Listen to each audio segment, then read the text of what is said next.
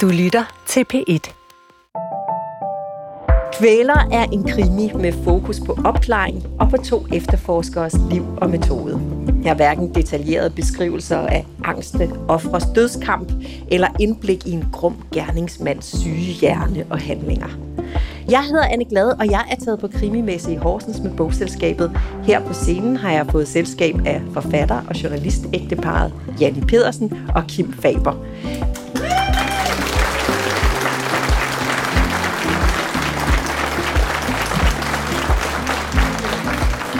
Altså, man kan høre, så har vi et dejligt veloplagt publikum her i, øh, i snikkeriet, hvor vi holder til. Øh, I to, I er aktuelle med øh, Kvæler, som er den tredje krimi, som I har skrevet sammen. Velkommen til jer to, velkommen til jer i salen, og velkommen til jer, der lytter med på P1 eller på podcast. Som altid i bogselskabet starter vi med første sætning. Er der en af jer to, der har lyst til at læse den første sætning op? Han slår øjnene op og ved ikke, hvor han er. Det er Kim Fabers klæbehjerne, der dukker ud her. Hvorfor begynder kvæler med en mand, der vågner og ikke ved, hvor han er? Ja, det kan du dvæle lidt ved. Ja. Fordi at vi ville godt starte den her bog et andet sted, end man normalt starter med sådan nogle krimier. Og vi har også selv lavet, for eksempel til Vinterland, vores første bog, der var der, sådan, der, var der faktisk en ret voldsom prolog, mm. som var sådan meget krimiagtig, moderne krimiagtig. Øh, men vi ville godt starte et andet sted med et drama, som måske i virkeligheden er lige så stort som selve plotdramaet, men som er mere på det personlige plan. Og man finder jo ret hurtigt ud af, øh, nærmest på samme side, at øh, det, det drejer sig om vores hovedperson, en af vores to hovedpersoner, Junker, mm. som er Ja, ja det er jo som, som jo er, og det ved både journalister og forfattere, et godt sted at gå ind i folks liv, det er jo altid, når det tager en vending. Og man kan roligt sige, at her tager, det er selvfølgelig, det er selvfølgelig sket på et tidligere tidspunkt, men, men her i, i, det her i det her setup, der tager, der tager Junkers liv en vending. Ja, jeg kunne godt tænke mig lige at, at, at, at spole et øjeblik, fordi som læser, så tror man jo, når man læser den her sætning, at vi er hos et offer. Ja. Så hvorfor vil I, hvorfor vil I lige plante den forvirring fra starten? Jamen, jeg tror bare, vi har i virkeligheden fra start, da vi begyndte på Vinterland, tænkt, at vi vil lave nogle krimier, hvor karaktererne de står rigtig, rigtig stærkt. Fordi det er der, vi selv er størst inspireret i de krimier, vi har læst. Ja. Vi kan ikke huske, hvad plottet var, eller gerningsstedet, eller hvem der mm. blev dræbt, men vi kan godt nok huske hovedpersonerne. Det er ikke sådan noget med, at vi har sat os ned og sagt, nu skal vi virkelig genstarte. Men vi har, det har bare været vigtigt for os, at det har været vores hovedkarakterer, og deres liv og deres udfordringer, som har været øh, drivende sideløbende selvfølgelig med plot. Og, og så drejer krimier sig om at snyde læseren. Ja, fedt. Og det, som jo i virkeligheden sker i den her første scene, det er, at Martin Jungersen, den ene af de to efterforskere, han vågner efter en prostatacanceroperation. Ja. Det kan vi godt røbe, uden at røbe for meget, for ja, det finder man ret hurtigt ud af. Det er de første to sider, ja. ja. Men det er jo sådan ret meget en antihelt i forhold til klichéen om den sådan hårdt slående politimand. Hvorfor anlægge det perspektiv?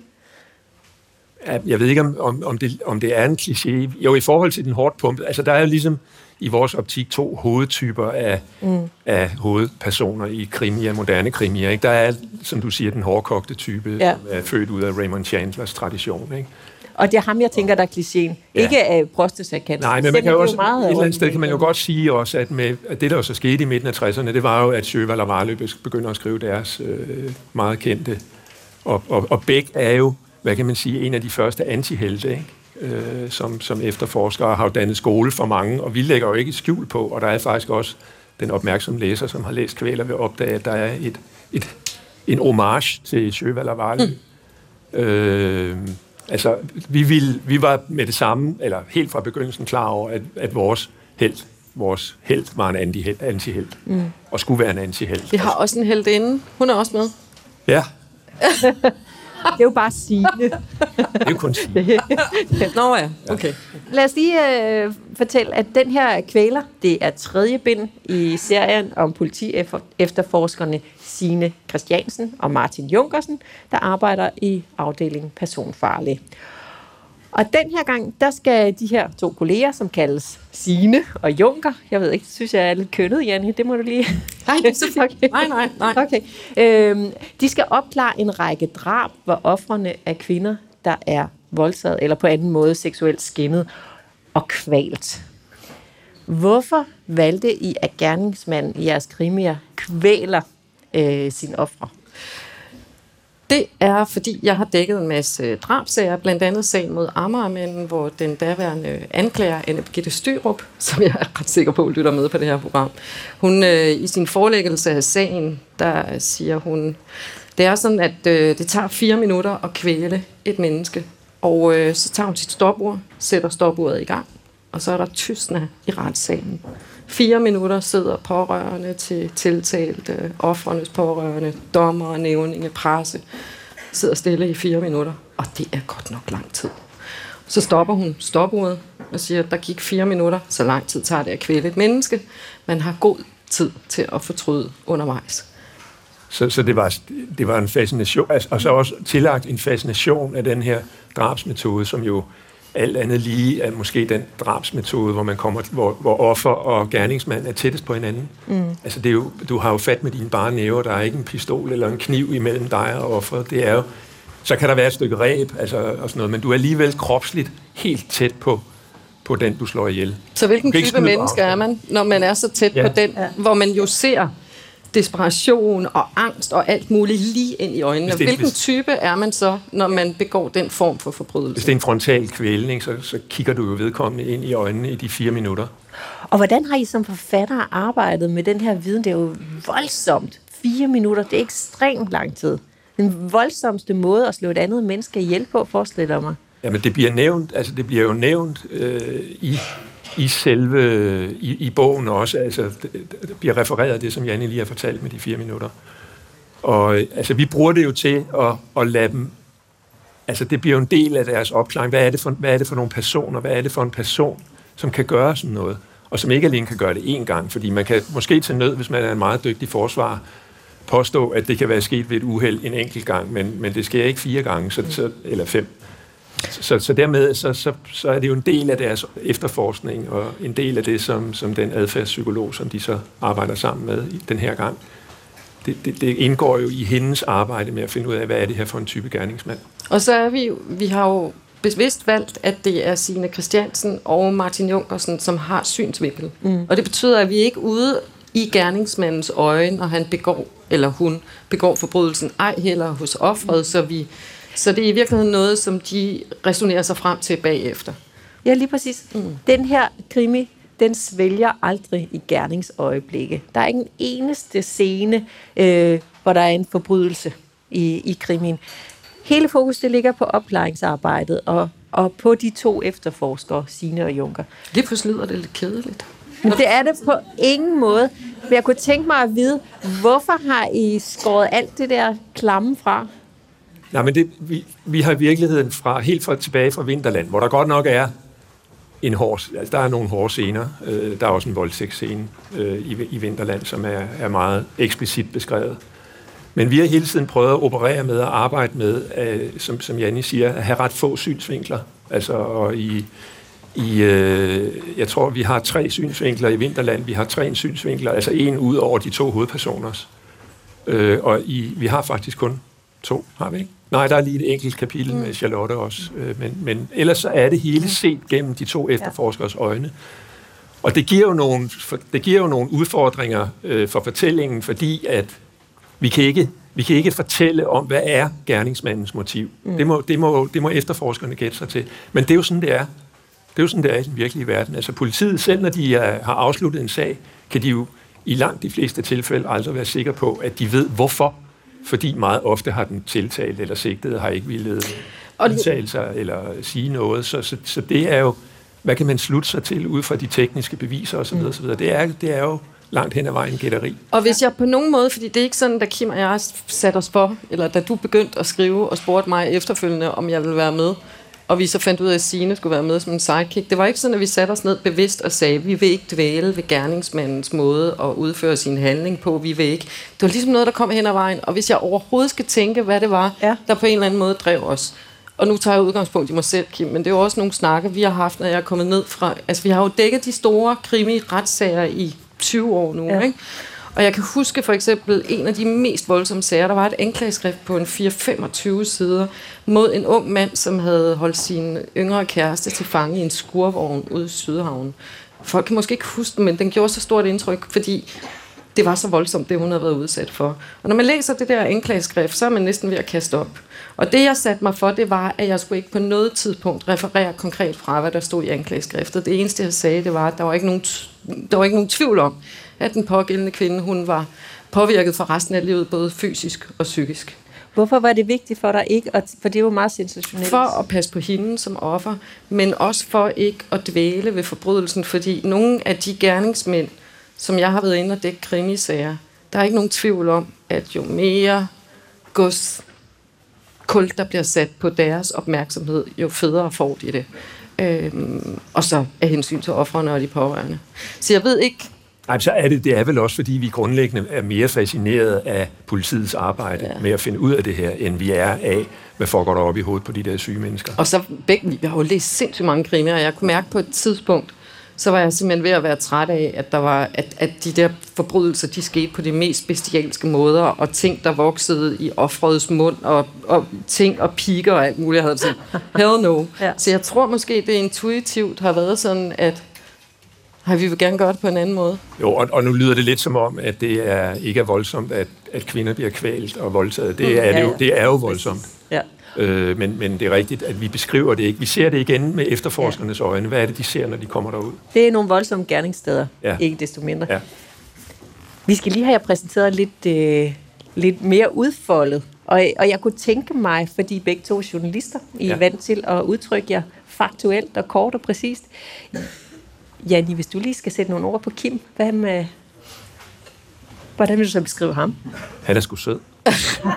ja, men sådan fra en journalistisk vinkel. Nå, Den korte, faktuelle er han dygtig. øh, Kim er en af de fem bedst skrivende journalister i Danmark. Han har ikke arbejdet som journalist nu i to år, men øh, Hans skyldende pote øh, ekvilibrerer han ud i, kan man sige det, skat? Var det et forkert ord? Okay, tak. øh, han retter meget på sin kone, når hun kommer til at sige nogle underlige ord. Øh, sidder jeg meget inde i fjernsynet, så får jeg sms'er indimellem, men det var slet ikke det, det handlede om. Den gyldne pote, som han havde som en af de fem bedst skrivende journalister i Danmark, den kaster han ud over vores tre bøger nu, og det er en fornøjelse. Så er han min mand, hundeejer, farfar til to, og så har vi kendt hinanden i 26 år og vi har en datter sammen på 24, og det er sgu meget godt gået at have været sammen i så mange år, når vi begge to er journalister, fordi der er statistikken ikke så god. Ja. Perfekt. Og nu skal jeg sige noget om Janni. Jeg skal bede dig om at, at lige sætte nogle korte, venlige ord på, øh, på Janni Pedersen. Jo, altså, hun, er ikke, hun er ikke en af de fem bedste krimireporter i Danmark. Hun er i min optik den bedste. Hun er et omvandrende leksikon, med, og det har hun allerede her jo givet eksempel på. Altså hun kan huske øh, stort set, jeg ved ikke om du kan huske alle sager, men, men hun kan huske rigtig, rigtig mange sager. Og, og fordelen, eller for, der er mange fordele ved Janni, vil jeg sige. men i den her sammenhæng, der er en af fordelene, at hun jo ikke kun har politiets synsvinkel på forbrydelserne, men jo også har talt med gerningsmænd, med pårørende, med advokater, med, med psykologer og hvad ved jeg, så, øh, og med, med det hemmelige politi og de hemmelige væsener og sådan noget. Så altså, det er jo en kæmpe stor... Der er jo rigtig, rigtig mange, og mange af dem er her, rigtig mange øh, tidligere politifolk og øh, eksperter og sådan noget, som hjælper krimiforfattere som også med at få vores bøger til at hænge sammen. Mm. Øh, Janni har et, et, øh, et katalog i sin mobiltelefon, eller en, en mobiltelefonbog med stort set alt, hvad der kan kryve og gå af folk inden for den her branche, som vi kan kontakte, hvis vi har behov for det. Det er en kæmpe stor fordel. Så det er bare min kilder, han vil have? Ja. ja. Jeg tog hende for kilderne. Ej, det lyder, det, det, lyder, det lyder ja. ikke særlig godt. det har været en langsigtet plan, for uh, I har immer væk været sammen i en del år. I bor uh, på det indre København, indre Nørrebro i København, kunne man også vælge at sige. Og så lærte hinanden at kende på Journalisthøjskolen. Men I har jo sådan set haft en karriere på hver jeres medie. Du på Politiken, du på, på TV2 News og på TV2. Hvordan fandt I ud af, at I ville skrive krimier sammen? For du var i gang først. Det var, fordi jeg havde gode kilder, åbenbart. Ja. det var de gode kilder, ja. Nej, altså, men jeg gik i gang og sådan animeret af det, som jeg tror, nu har jeg også, jeg har beskæftiget mig med mange former for journalistik på politikken, men også med at skrive de lidt længere historier, også det, vi kalder fortællende journalistik, sådan lidt følgetongagtigt, hvor der er flere kapitler over flere dage. Så jeg har sådan snuset lidt til den måde at, at skrive på, så, og, og så tror jeg, at det er meget, hvis man har gjort det i tilstrækkelig lang tid, så tror jeg også, man har en nysgerrighed overfor, om man er i stand til at skrive en bog. Og det er der jo mange journalister, der har også, øh, som gerne vil skrive bøger, og ikke nødvendigvis skønlitterære, men, men bøger. Kan man, kan man håndtere en stor mængde stof på de der 3-4-500 sider, som en moderne roman jo fylder? Øh, og, og, og så var jeg også lidt animeret af, af vores gode ven Jesper Stein, som jo har skrevet en masse krimier, og nu også den fantastiske Rampen. Mm. Øh, som, og vi har, Jesper og jeg har kendt hinanden lige fra, at vi gik på sådan et introduktionskursus til øh, Journalisthøjskolen, eller forberedelseskursus. Og han, han har sådan fra tid til anden prikket mig lidt på skuldrene og sagt, skulle du ikke også prøve? Mm. Og, og jeg har hele tiden haft det sådan, eller havde det i lang tid sådan, nej, nej. Og, jeg, og der var også lidt, lidt flat på en eller anden tænkte, måde. hvis han kan, så ja, kan så jeg også. Hvis Jesper kan, så kan jeg også, tænke Så. Og så gik du i gang? Så gik jeg i gang med at, at skrive i første række bare på karakteren Martin Junkersen. Mm. Og, og, og der var det så faktisk sådan, at jeg efter at have skrevet i de der 30-40 sider tænkte, hvorfor i alverden? Altså det kunne da være... Nu, Janne og jeg er meget gode til at have projekter sammen. Mm. Så jeg tænkte, kan vi også have det her projekt sammen? Ja, for det kommer jo til at fylde tidsmæssigt. Ikke? Ja, det, det er meget praktisk faktisk at have det sammen. Ja, det fylder ja. en del. Men, men, og så spurgte jeg, så spurgte jeg simpelthen en dag over en carbonara, eller hvad det nu var, et glas vin i køkkenet, om ikke, om ikke hun ville være med. Og, øh, og, og sagde... Og hvad sagde du så, Janni? Jo, det kan jeg godt. jeg tror, det kan være anderledes. Jo, det kan jeg da godt. Ja. og så sagde jeg, men så skal han have et kvindeligt sidekick. Og så kom Signe. Ja. Det. Så, ja. Er der nogen, nu er jo med jeres journalistiske baggrund, er der nogle tematikker, som driver jer, som optager jer særligt i det her krimi? Arbejde. Det er sådan meget, synes jeg, øh, nu, nu er vi i gang med sådan en idéudvikle på firen, og så er det sådan meget, så har vi sådan nogle brækker og tematikker, som vi selvfølgelig har kvæg vores job som, som journalister. Det kan også være nogle, nogle udfordringer, altså fordi vi ikke, Kim, jeg taler kun for mig selv, så jeg siger jeg, ja, ja. for jeg er ikke sikker på, at du er enig med mig. Men vi kan jo have vores forskellige motivationer. Men altså, når, når man er ude som journalist og som studievært på TV2 News, nu er jeg på God Aften, som er et aktualitetsprogram, så er det jo sådan, at øh, man forsøger så vidt muligt at være tilstræbt objektiv mm. i alt, hvad man foretager sig. Og ikke have nogen farve på, uanset hvem det er, man sidder og interviewer. Men jeg kan jo godt mærke i alle de sager, jeg har dækket i rigtig, rigtig mange år, så kan jeg jo godt mærke sådan mennesket Janni Petersen, altså hvordan jeg har det. Mm. Øh, i forhold til nogle af de tematikker, der er, som ikke behøver at være politisk, men for eksempel Signe øh, stusser meget på et tidspunkt over, at der står soldater i gaden. Mm. Øh, og det har jeg da også gjort som menneske, mm. øh, fordi soldater i gaden er jo ensbetydende med undtagelsestilstand, og det har vi ja. i gaden og har haft det. Ikke? Øh, men jeg kan jo ikke stå som journalist og sige, hvor er samfundet dog henne? Jeg ved, at det vil jeg aldrig nogensinde sige, det, er, det vil Signe heller ikke sige. Men at bruge det på den måde, det er måske noget, som jeg ikke kan, når jeg står foran Københavns Byret, men så kan man få hende til at undre sig. Det. Så, så der er simpelthen noget stof der, man ikke kan formidle som journalist, som man kan Jamen, jeg er ikke sikker på, at du er enig. Men... Nej, jeg er ikke så bange for, at, hvis, hvis en mening skulle smutte med i, heller ikke i journalistik, hvis ellers det er deklareret som en mening. Mm. Jamen, det, det, det, det, det, kan man, det, er, det er godt klar over, det kan man ikke på tv på samme måde. Det her det er jo heller ikke politisk, men det er jo en undren over, hvor er vi henne, som Signe så kan undre sig over, men jeg kan ikke stå og undre mig over det. Lad os dykke lidt ned, dybere ned i jeres to hovedkarakterer, ja. øhm, Sine og Junker. De er jo faktisk begge to drevet af, af meningsfuldheden i at løse drabsager. Ja. Øhm, de er meget observante, man, sådan menneskekender begge to faktisk, selvom de kan virke sådan lidt bryske på overfladen måske. Øhm, og de beholder i høj grad deres medmenneskelighed undervejs i arbejdet. Junker har en tæt kontakt til et et, offers, et tidligere offers forældre. Øh, Signe er meget nærværende og omsorgsfuld, når der skal ske afhøringer af, af pårørende, eller når pårørende skal identificere offer og sådan noget. Hvorfor er de sådan nogle typer mennesker? Fordi vi godt kan lide dem, tror jeg, i bund og grund. Altså, at, at vi, vi, vi, har, vi har jo gerne ville skabe to øh, sympatiske karakterer, og sympatiske på den forstået på den måde, at man ikke nødvendigvis sympatiserer med alt, hvad man gør, fordi de jo begge to det er en anden ting, som vi synes, at, at nogle hovedpersoner, gode hovedpersoner, må godt træde ved siden af. Mm. Og ikke mindst Signe har jo en, en tendens til at bevæge sig ud på tynd is, kan man sige.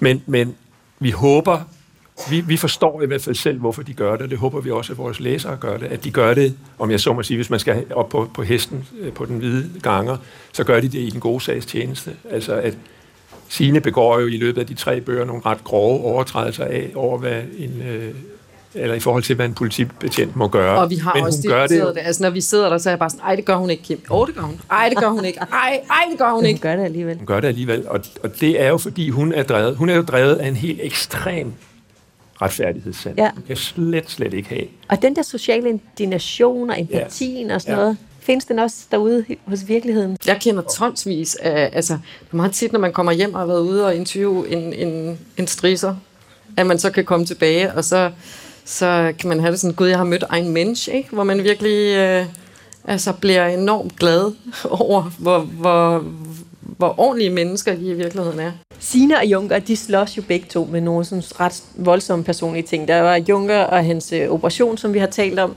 Øh, men Sine bliver også undervejs i kvaler mere og mere påvirket af, at hun og Junker skal arbejde tæt sammen. En kollega, der voldtog Sine fire år tidligere. Hun gik med ham hjem på et hotelværelse efter en fest, øh, og så udviklede den her affære sig til en grov voldsægt, som Sine har holdt hemmelig. Hvorfor skal de her to hovedkarakterer have så meget at slås med, ud over en bøvlet opklaringssag? Det skal de jo for, at de bliver ved med at være interessante. Og det er jo også noget af det, vi har diskuteret meget. For jeg, havde, jeg har vidderligt haft det svært med, at de skulle udsættes for så meget. Det er jo i modgang, at vores karakterer modnes og træder frem og træder i karakter. Det er fint nok, at man har succes på arbejdet, og at familien har det strålende og alt muligt andet, men, men det er der ikke ret meget narrativ fremdrift i. Altså det er jo, når vi støder ind i mm. problemer, og, og, og, og vi kan godt lide, øh, vi synes det er vigtigt, for apropos øh, øh, Martin Beck og, og Sjøvald og Varlø, at de problemer, som vores hovedkarakter har i, i, i det private, fylder lige så meget, eller har nogenlunde samme validitet og valør i, øh, i vores romaner, som, som selve krimiplottet har. Og jeg tror endda, vi vil gå så, så vidt som til at sige, at krimiplottet er bagtæppet for, at vores karakterer mm. kan træde i karakter, om jeg så må sige. Så på deres personlige plan, så prøver vi også at tage udgangspunkt i noget af det, som er i vores liv, eller er de store udfordringer i mm. samfundet. Og man kan sige, i forhold til MeToo for eksempel, og Signe, der var udsat for en voldtægt, så kunne man måske tænke et eller andet sted, okay, den her seje, bryske kvinde, som går ind i folk med, med træsko på, og er sådan no bullshit type, hvordan kan hun havne i den situation? Ja, fordi grunden til, hun ikke har sagt noget om det, er, at hun synes jo, det er skamfuldt. Ja. Ja, men det er jo den struktur, som vi er i lige nu. Den strukturelle måde at anse det på, som der er en masse, heldigvis yngre kvinder, sådan noget fem, femte bølge feminister, som forsøger at gøre op med nu. Mm. Øh, og, og man kan jo sige, Sina er jo prototypen på, på en kvinde, som, som på overfladen måske vil se ud som om, at hun vil reagere på sådan noget, men på grund af den struktur, der er skabt i samfundet, jo lige pludselig ser sig selv sige, mm, jeg gik jo selv med. Jeg havde jo selv lyst, indtil hun ikke havde lyst mere. Og lige præcis det skisme øh, har vi synes ja. også har været Og hun skammer sig dobbelt i virkeligheden, for mm, ja. er der det der, men hun skammer sig også over, at hun som veltrænet politikvinde ikke kunne gøre noget. Hun har følt det på sin krop at være et offer. Og det, og det, er, jo, det er jo med til at, at æde hende op, men det giver hende jo... Det er måske også en del af forklaringen på hendes empati, at hun godt ved, hvordan det er. Men det er også et spørgsmål om at sige, at selv stærke kvinder kan blive udsat for noget, hvor de ikke øh, kan håndtere det. Det kan ske for alle kvinder, Ja. det kan også ske for stærke kvinder, og at man, at man øh, når man er i den der situation, man, jeg tror ikke, man som mand, og, og, og måske heller ikke engang som kvinde, som ikke har været i nærheden af det, men, men kan forestille sig, hvad det, vil, hvad det vil sige, når en mand, som jo fysisk set er så meget stærkere end en selv, og vejer mere og alt muligt andet. Og Hvis han det, sætter sig for at gøre en skade, så er man hjælpeløs. og det er jo noget af det, der gør jeres bog så skide godt skrevet og godt skruet sammen. Det er, at I ikke bare reproducerer de der stereotyper. Så tak for det. Det var Det var så så lidt. Fortæl os lige lidt om, hvordan arbejder I to sammen? Vi udvikler plot sammen, og øh, handling, og Karaktererne. karakterer, Ja. øh, subplots, øh, profileringen af både gerningsmand og ofre og, og også... Øh, det er jo simpelthen sådan tvindmøde-agtigt, ja. hvor, vi, hvor ja. vi sætter os ned og siger... Et tvindmøde, ja. ja. Nu er vi nødt til at, at snakke det her igennem og finde ud af, hvad skal der ske timer, næste, og det tager mange, mange timer. Og, og der taler I bare? Ja. Ja, og så og skriver, jeg skriver nu, jeg tegner, jeg godt lide, og jeg har sådan noget OD, ODC-agtigt. Jeg kan godt lide at have sådan noget kontrol over historien. Og... Kim er også uddannet arkitekt oprindeligt, så han laver sådan nogle meget fine små bokse. Ja, små, små, fine små faktabokse. Ja.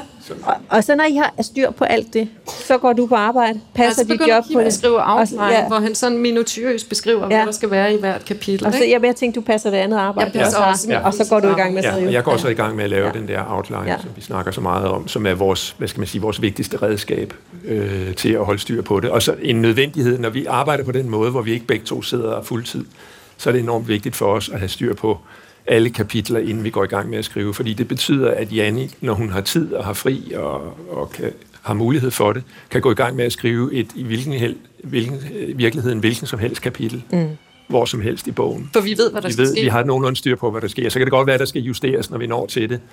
I, i, øh, og jeg starter ligesom forfra og pløjer af. Og så skriver jeg, og så øh, afleverer jeg det til Kim og sidder nærmest og bider negle, fordi sådan er det, selvom vi har kendt hinanden så mange år, efterhånden ja. nu skal til at skrive vores fjerde bog sammen, så er det stadigvæk sådan lidt angst provokerende, når man skal aflevere sit kapitel. Kan han lide det, kan han ikke lide det? Og jeg ved faktisk, Men det går begge veje. Det går begge veje, altså, ja. Det tror jeg, de fleste, som skriver, øh, vil ikke genkende til det der med, at næsten uanset hvor mange bøger man har skrevet, så tror jeg, at de fleste forfatter vil sige, at det er et følsomt at give mm.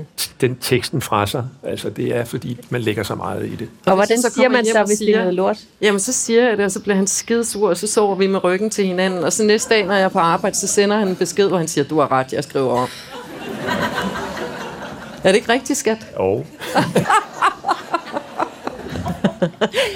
nu nærmer vi os for alvor de sidste minutter, og her til sidst, så skal I lige også have lov til at dele en læseoplevelse med bogselskabets lyttere. Ja. For det er jo en fast tradition, vi har i. Først dig, Janni. Hvad vil du anbefale? Jeg er meget begejstret for Lise Ringhoff og hendes mand, Erik Valør, mm. som jo skriver en slægtsroman i tre afsnit, over, eller i tre bøger. Nummer to er lige kommet. Jeg synes, de er fantastiske. Ja.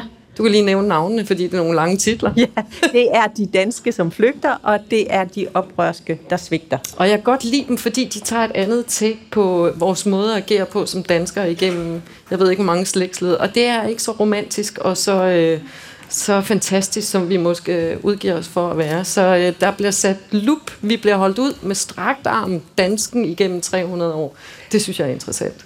Det, at de tager... Øh, stavning og kvindernes valgret og øh, tyskernes invasion og alt muligt, og tager det med ind i bøgerne, og så øh, beskriver det rent fiktivt i forhold til, hvordan deres, øh, deres karakter agerer på, på de store begivenheder. Jeg synes, de er fantastiske bøger. Jeg glæder mig til træerne. Fedt. Mm. Kim, hvad skal vi læse?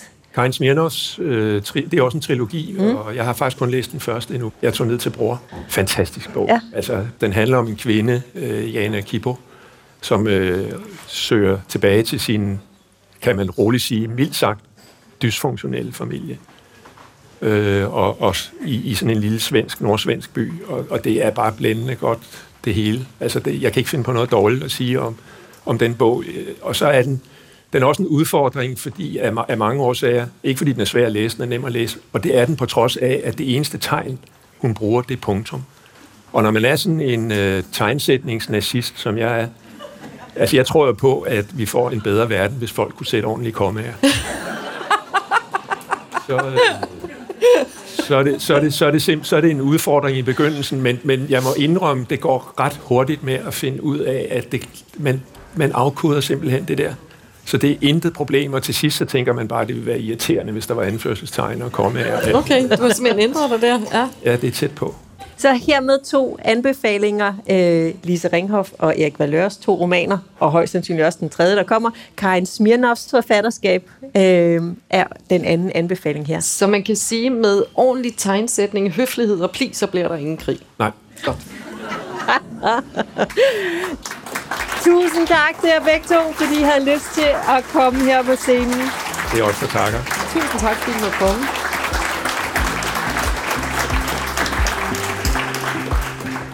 Det var Janni Pedersen og Kim Faber, der havde lagt vejen forbi bogselskabet på Krimimessen i Horsens. Jeg hedder Anne Glad, og jeg kan anbefale kvæler. Her er en krimi, der aldrig taler ned til mig som læser. Tværtimod er der stor tillid til, at jeg fanger alle detaljer undervejs. Og så er jeg så vild med, at det kan være så voldsomt, uden at volden nogensinde bliver udpenslet. Du kan finde flere forfattersamtaler i DR's lydapp. Tak fordi du lyttede med, og tak til publikum i Horsens.